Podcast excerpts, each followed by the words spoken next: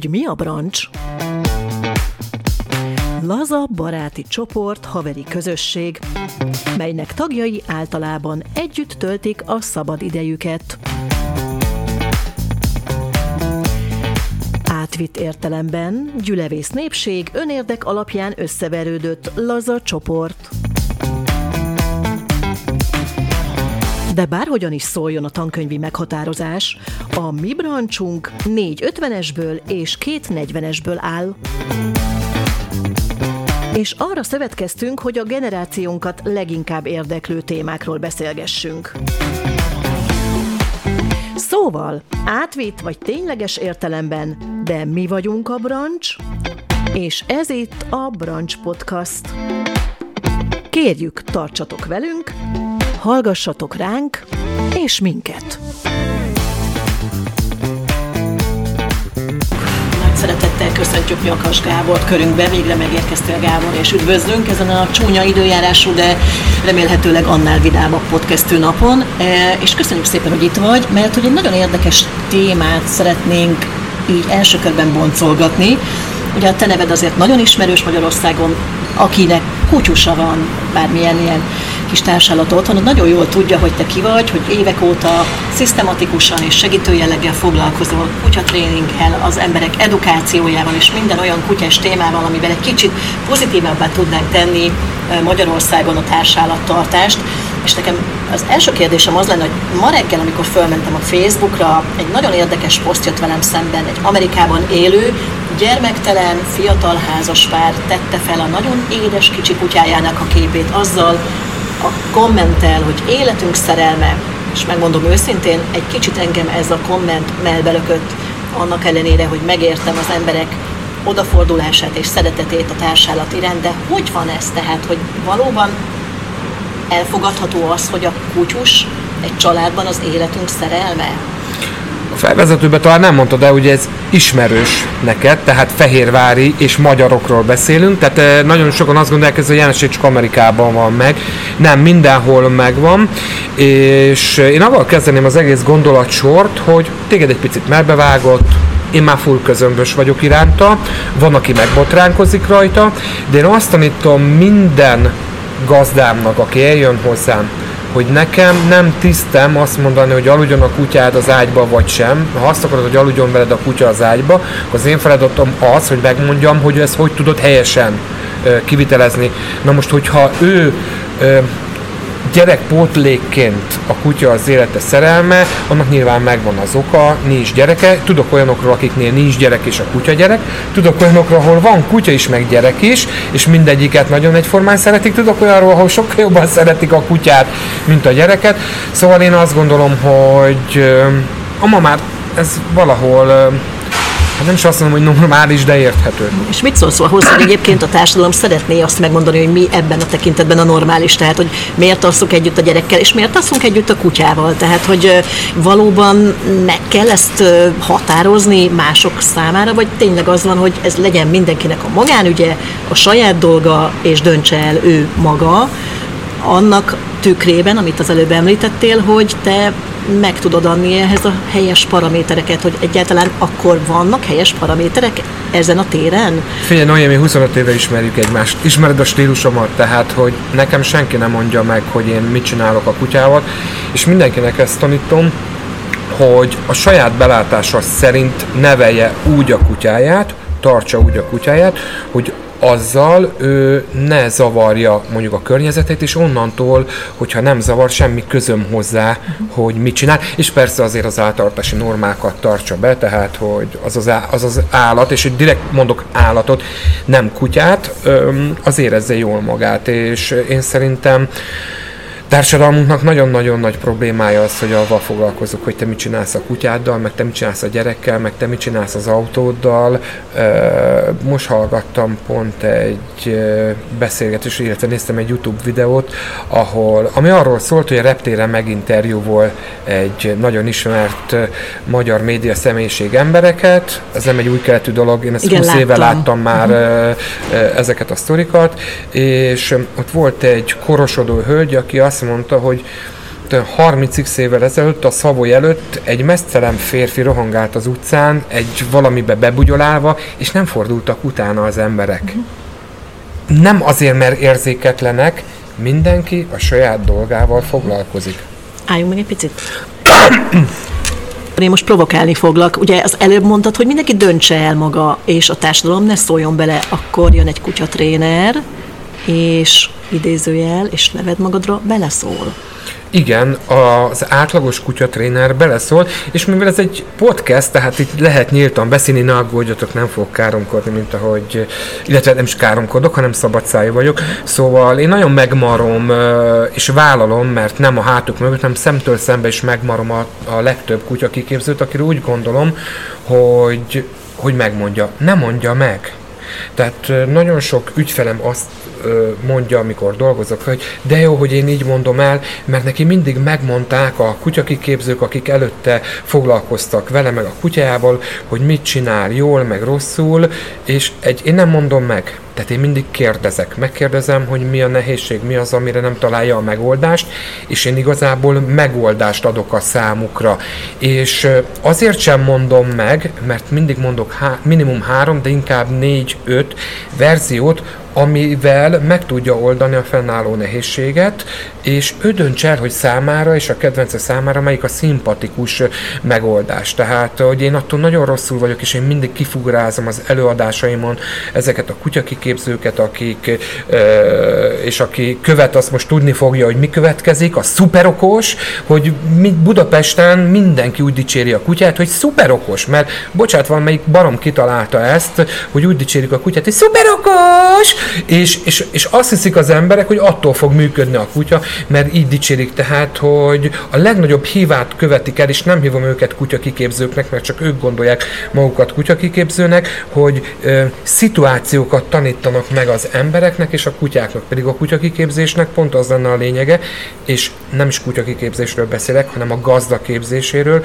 hogy nincs két egyforma élethelyzet, két egyforma gazda, és amikor valamelyik nagyon okos visszakérdezett, de hát hogy ez hogy van, akkor csak annyit mondtam, hogy a természetben a kutya soha nem ugyanott kapja el a nyulat, és soha nem ugyanazt a nyulat, és, és nem ugyan akkor, és soha nem tud kétszer ugyanabba a folyóba lépni, tehát hogy ott az állandó a változás, és hogyha úgy építjük fel a kutyával való közös együttlétünket, hogy tudjuk, hogy mik az ő genetikai indítatásai, akkor ez működni fog. Tehát, hogy én mindig megoldást adok, és soha nem mondom, hogy ezt így kell csinálni, és mindig adok választási lehetőséget. Talán, hát én nem tartom magamat jobbnak senkinél, de talán rutinosabb ezért lehetek a legtöbbnél. Én át fogom adni mindjárt a szót a fiúknak, úgyhogy gondolkozzatok kérdéseken, de még lenne egy kérdésem amikor vannak ezek az előadások, nincs olyan, hogy valaki fogja magát föláll és kimegy, annak ódiumával, hogy na, aztán nekem végképp nem mondja meg senki, hogy hogy kell kutyát tartani. Kutya, én meg ember vagyok, etetem, szeretem, simogatom, van egy olja, megkötöm, nem kötöm, kiengedem, sétáltatom, ennyi. Tehát, hogy az emberek elfogadják a tanítást, az edukációt, illetve mondtad, hogy 25 éve csinálod. Látsz-e abban egy olyan folyamatot, hogy van haladás etéren? Uh-huh. Van-e változás? Kapaszkodjatok, 33 éve csinálom, téged ismerlek 25 éve. Bocs. Eh, um, az elején képzeljétek el, nagyon féltem, hogy mit fognak szólni a, az emberek, pedig egyébként soha nem érdekel, de valaki belerakta a bogarat a fülembe, hogy majd, ha jönnek az ilyen meg olyan Facebook kommentek, akkor avval nem kell foglalkozni. Na figyeljetek, a legelsőnél azt a kommentet kaptam, hogy nem egy Caesar Milán, de nagyon jó volt. Hát kérem szépen, sokkal jobb vagyok, mint a Caesar Milán, ezt, ezt ő is tudja, jár hozzám, illetve hát konzultál velem mindig, és nem én, hanem egy középszintű magyar kutya kiképző sokkal jobb, mint a Caesar Milán, ő inkább másabb, ő amerikai, ő nem érti a szakmát, ő egy hatalmas showman, egy rendkívül kedves, szimpatikus ember, és persze úgy köszöntem meg ezt, hogy nagyon köszönöm, nagyon megtisztelő. Nem, hogy rosszul esett, hanem még nagyon jól esett, hogy ezt mondták, bár semmiféleképpen nem szeretem magamat hozzá hasonlítani, és ezt kritikusan kérem is mindenkitől, hogy még véletlen se hívjanak a magyar kutyasuttóvónak, pedig mindig ezt teszik, mert én elsősorban a gazdákat tanítom. Ugyanakkor pedig a negatív trollkodás is elmaradt, mert emlékszem, hogy minden egyes előadásom előtt egy troll van, aki szerintem lehet, hogy ugyanaz, hogy megnézném én mit csinálnál a te kutyád, az én kutyámmal, és ugye arra pedig nagyon egyszerűen mindig azt szoktam mondani, hogy téged is nagyon nagy szeretettel várunk. Hozzá a kutyusodat, hiszen én ezeken az előadásokon a Caesar Milánnal ellentétben soha nem találkozok ezekkel a kutyákkal, és a Caesar Milánnal ellentétben soha nincsenek ezek a kutyák a színpadra tréningelve hiszen amikor itt van Magyarországon, nekünk délután egy órától, két órától a, a, abba kell segítkeznünk, hogy a előre kiválogatott kutyák, akik majd felmennek hozzá a színpadra, azok nagyon sokszor legyenek felvívve a színpadra, és mindent tudjanak, mire már a kezébe kerülnek. Ezt ugye sokan nem tudják, lehet, hogy nagyon sokan csak ebből a podcastből e, értesülnek erről, és e, persze soha nem hozzák el ezek a trollok ezt a, ezeket a, kutyákat, de én nagyon örülök, mert, mert tehát, hogy szinte nulla a szám. Talán ez azért, mert én későn kezdtem el ezeket az előadásokat, addigra már azért ismertek, és csak olyan jön el nyilván az előadásomra, aki rám kíváncsi, mm, ismeretlenül nem, nem nagyon jönnek el az emberek. Podcastra készülvén Csányi Vilmos egy cikkét olvastam, hogy egy kutyát 6-7 éves gyerek szintjéig lehet felhozni, a beszédkészséget leszámítva. Egyet értesz ezzel? Hát leginkább azért is, mert nagyon sokat tanulok a professzortól és a csapatától, hiszen nagyon komoly szakmai kutatásokat végeznek, amelyek nekem nagy segítségükre vannak a, a tanítás, illetve az én saját stílusom kialakítása során. Képzeljétek el, hogy ez még régen ilyen, azt mondták, hogy 3-4 éves gyerek szintjén van, de azért ahogy fejlődik a kinológia, hogy fejlődik a, a kultúrált kutyatartás, kutyanevelés, kutyatanítás, úgy már ezt a szintet el lehet érni, hogy tényleg a beszédet leszámítva, ezen a szinten vannak a kutyák, és egyébként pedig ugye tudjuk, hogy a beszéd a kommunikáció leggyengébb eleme, és a többi kommunikációban a testbeszéd, nonverbális kommunikáció pedig sokkal fejlettebbek az állatok, mint az ember. Hadd tegyek fel egy kicsit provokatívabb kérdést. A társadalom egy jelentős része azt mondja, hogy lakótelepi lakásba kutyát tartani állatkínzás. Ezt így kategórikusan kijelentik, mindenféle egyéb ismeret nélkül. Ebbe te hogy látod egy kutya mozgásigénye, emberi kapcsolatai, a gazda elmegy reggel, visszajön a munkahelyéről, ez mennyiben befolyásolhatja, hogy az a kutya jól érezze magát? Nagyon szeretem ezt a kérdést. Mivel nem tévében vagyunk, nem közmédiában vagyunk, ilyet te nagyon szofisztikáltan fogalmaztad meg, ilyet csak olyan mond, aki, aki, aki nem tudja, hogy mit beszél, és akkor még én is finoman fejeztem ki magam nem az a lényeg, hogy lakásban vagy udvaron van, mert udvaron is lehet a kutyát nagyon rosszul tartani. Láncra van kötve, nincs láncra kötve, egyedül van, nagy udvarba, kis udvarba, teljesen mindegy. A kutya társas lény. Neki arra van szüksége, hogy megkapja azokat a szükségleteit, ami a genetikai kódja alapján kell neki, és én azt gondolom, hogy aki panelban tartja a kutyát, jellemzően sokkal jobb a kutya fizikai és mentális állapota, mint akinek udvaron van a kutyája. Gondoljunk csak bele abba, hogy le kell vinned reggel, délben, este, de inkább négyszer egy nap, és ha az udvaron van a kutyád, mennyit vagy vele összezárva, mennyit foglalkozol vele, mennyi, mennyi értelmes időt töltesz el vele, ahhoz képest, mint hogyha bent van veled egy légtérbe. Elmondom semmit tehát hogy elenyésző, nem fog kialakulni az a kutya-gazda kapcsolat, egy, egy panelba tartott kutya, ha nem ijed meg, tehát nincsen valami extrém helyzet, nem szökik el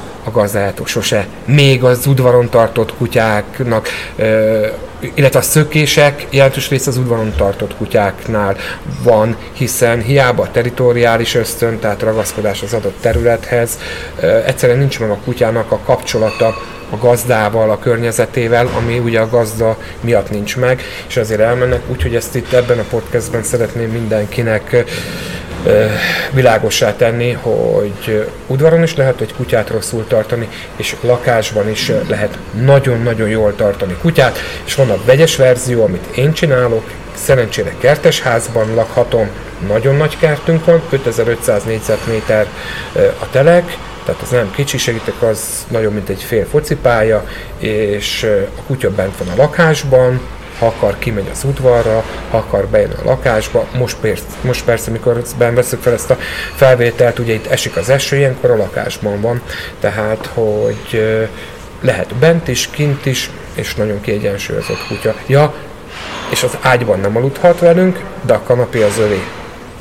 Gábor, egyébként mi az a kérdés kutyatartással kapcsolatban, ami a pályafutásod kezdetétől jelen van, és úgy érzed, hogy soha büdös életben nem fogsz tőle megszabadulni, mert ez mindig érdekli az embereket, és mindig meg is kérdezik tőled?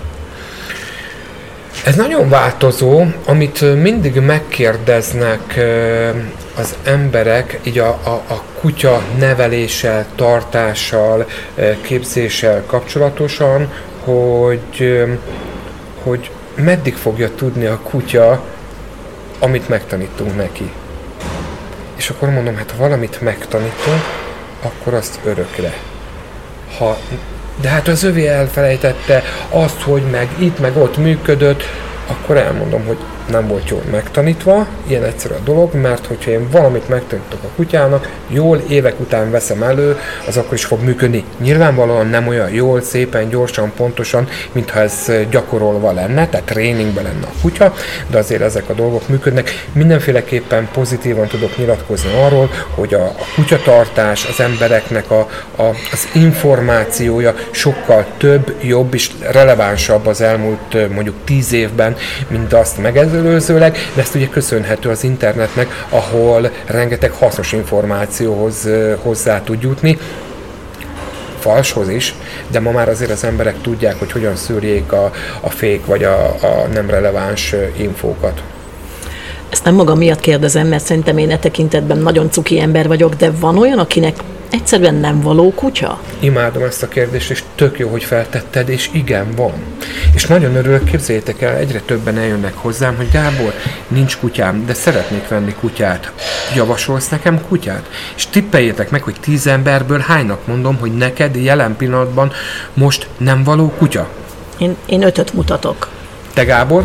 Én szerintem majdnem mindenkinek azt fogod mondani, hogy jelen pillanatban nem, mert ha felteszed ezt a kérdést, akkor már adja magát. A Noémi győzött 5, a felének nem való kutya. Az adott élethelyzetbe.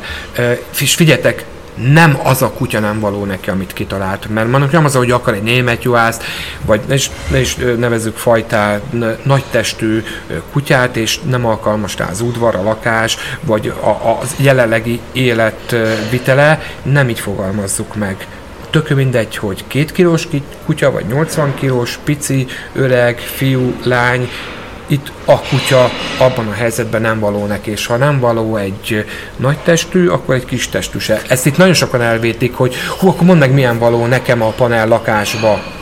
Na de honnan, Semmilyen. honnan tud, tehát én azért kérdeztem az előbb, vagy mondtam azt, a, amit mondtam, mert hogy hogyha valaki föltesz magá, nem magának, hanem neked azt a kérdést, hogy való-e neki kutya, akkor ez az én olvasatomban a valójában azt jelenti, hogy ő még nem döntötte el, hogy akar-e vagy nem akar kutyát.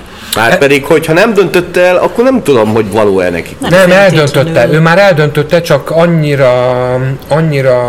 Vár egy pozitív megerősítés. Hát igen, meg inkább azt mondom, hogy ez már ez már nem is, nem is találom ide a megfelelő szót, de annyira előrelátó, vagy annyira kell neki, vagy annyira fontos neki a szakmai megerősítés, hiszen ma már nem veszünk tévét sem, még nem kérdezzük meg az eladót, hogy hello, melyik miért tud. Tehát ma már tudják az emberek, hogy nagyon körbe kell járni a, a, azt, amit meg akar vásárolni magának, és teljesen mindegy, hogy egy dologról, egy tárgyról, egy állatról beszélünk, vagy egy aranyhalról, ezek az emberek mind, el, mind eldöntötték.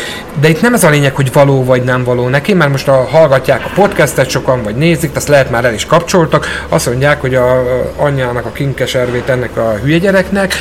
Én mindig megmondom, hogy hogy tud gazdává válni. Tehát, hogy miket kell megtennie, hogy tarthasson kutyát. És ez a nagyon fontos, mert ő eldöntötte, hogy akar kutyát.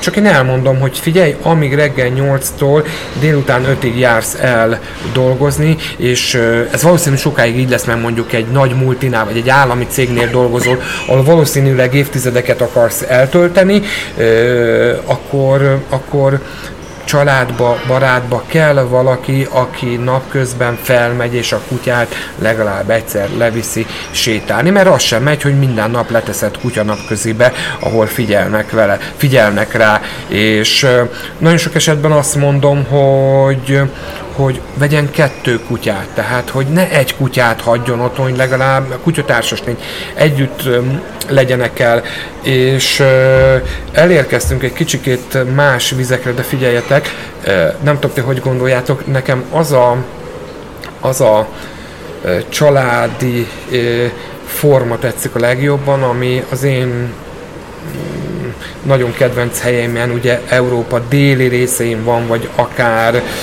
beszéljünk egyenlítőtől lefele délre, jól, mindig jó idő van hogy együtt vannak a szülők, a nagyszülők, az unokák.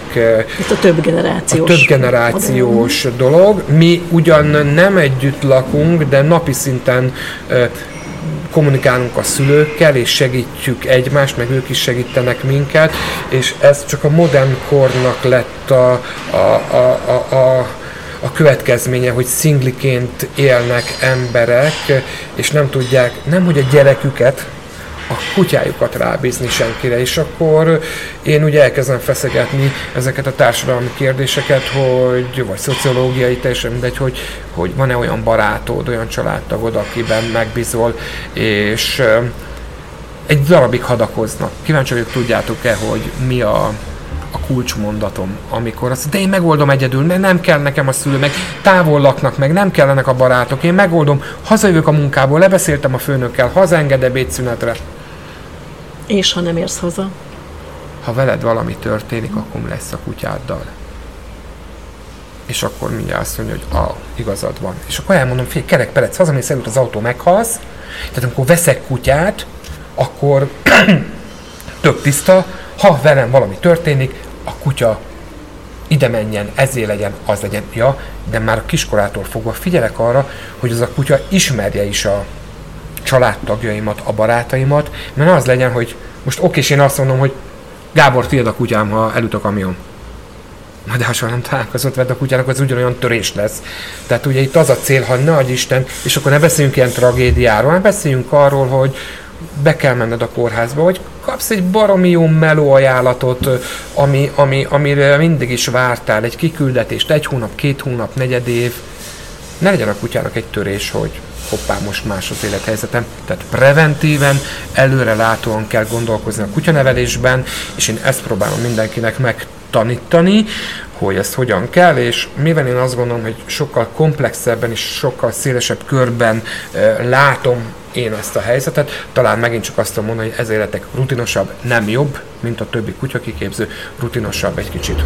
Személyes történetet hadd mondjak, a gárdon volt telkünk, és az építkezés során a mellettünk levő telken bezárt zsákban találtunk egy kiskutyát, amit megmentettünk, befogadtunk, felneveltünk, de szerintünk azért traumatizált maradt szegény egész életére, szóval egy, hogy egy embernél is van egy sok, egy kutyánál is egy ilyen sok, az, az azért kihat-e az életére szegényként? Hát természetesen. Most tudnék nektek mesélni arról, majd nagyon szép felvezetőt csinált, de hogy én mennyi mindent csinálok már, tehát én már nagyon régóta nem csinálom ezeket a klasszikus kutyaiskolákat, ezek a csoportos kutyakiképzések. Ráadásul én már 20 éve nem úgy tartom a csoportos kutyakiképzést, amivel megint csak szívom a vérét a, a, a többi kutyaskának, hogy ballábbal egyszerre lépés mindenki indul, ültetés, állítás, vagy 8 éves gyereket beteszel a kör közepére, és egy kicsikét vagányabb az átlagnál levezényel egy ilyen kiképzést, öm, hanem, hanem például rehabilitálunk kutyákat, sőt már nem is, már rehabilitációs tanfolyamot tartok, tehát azokat a kutya kiképzőket nevelem ki,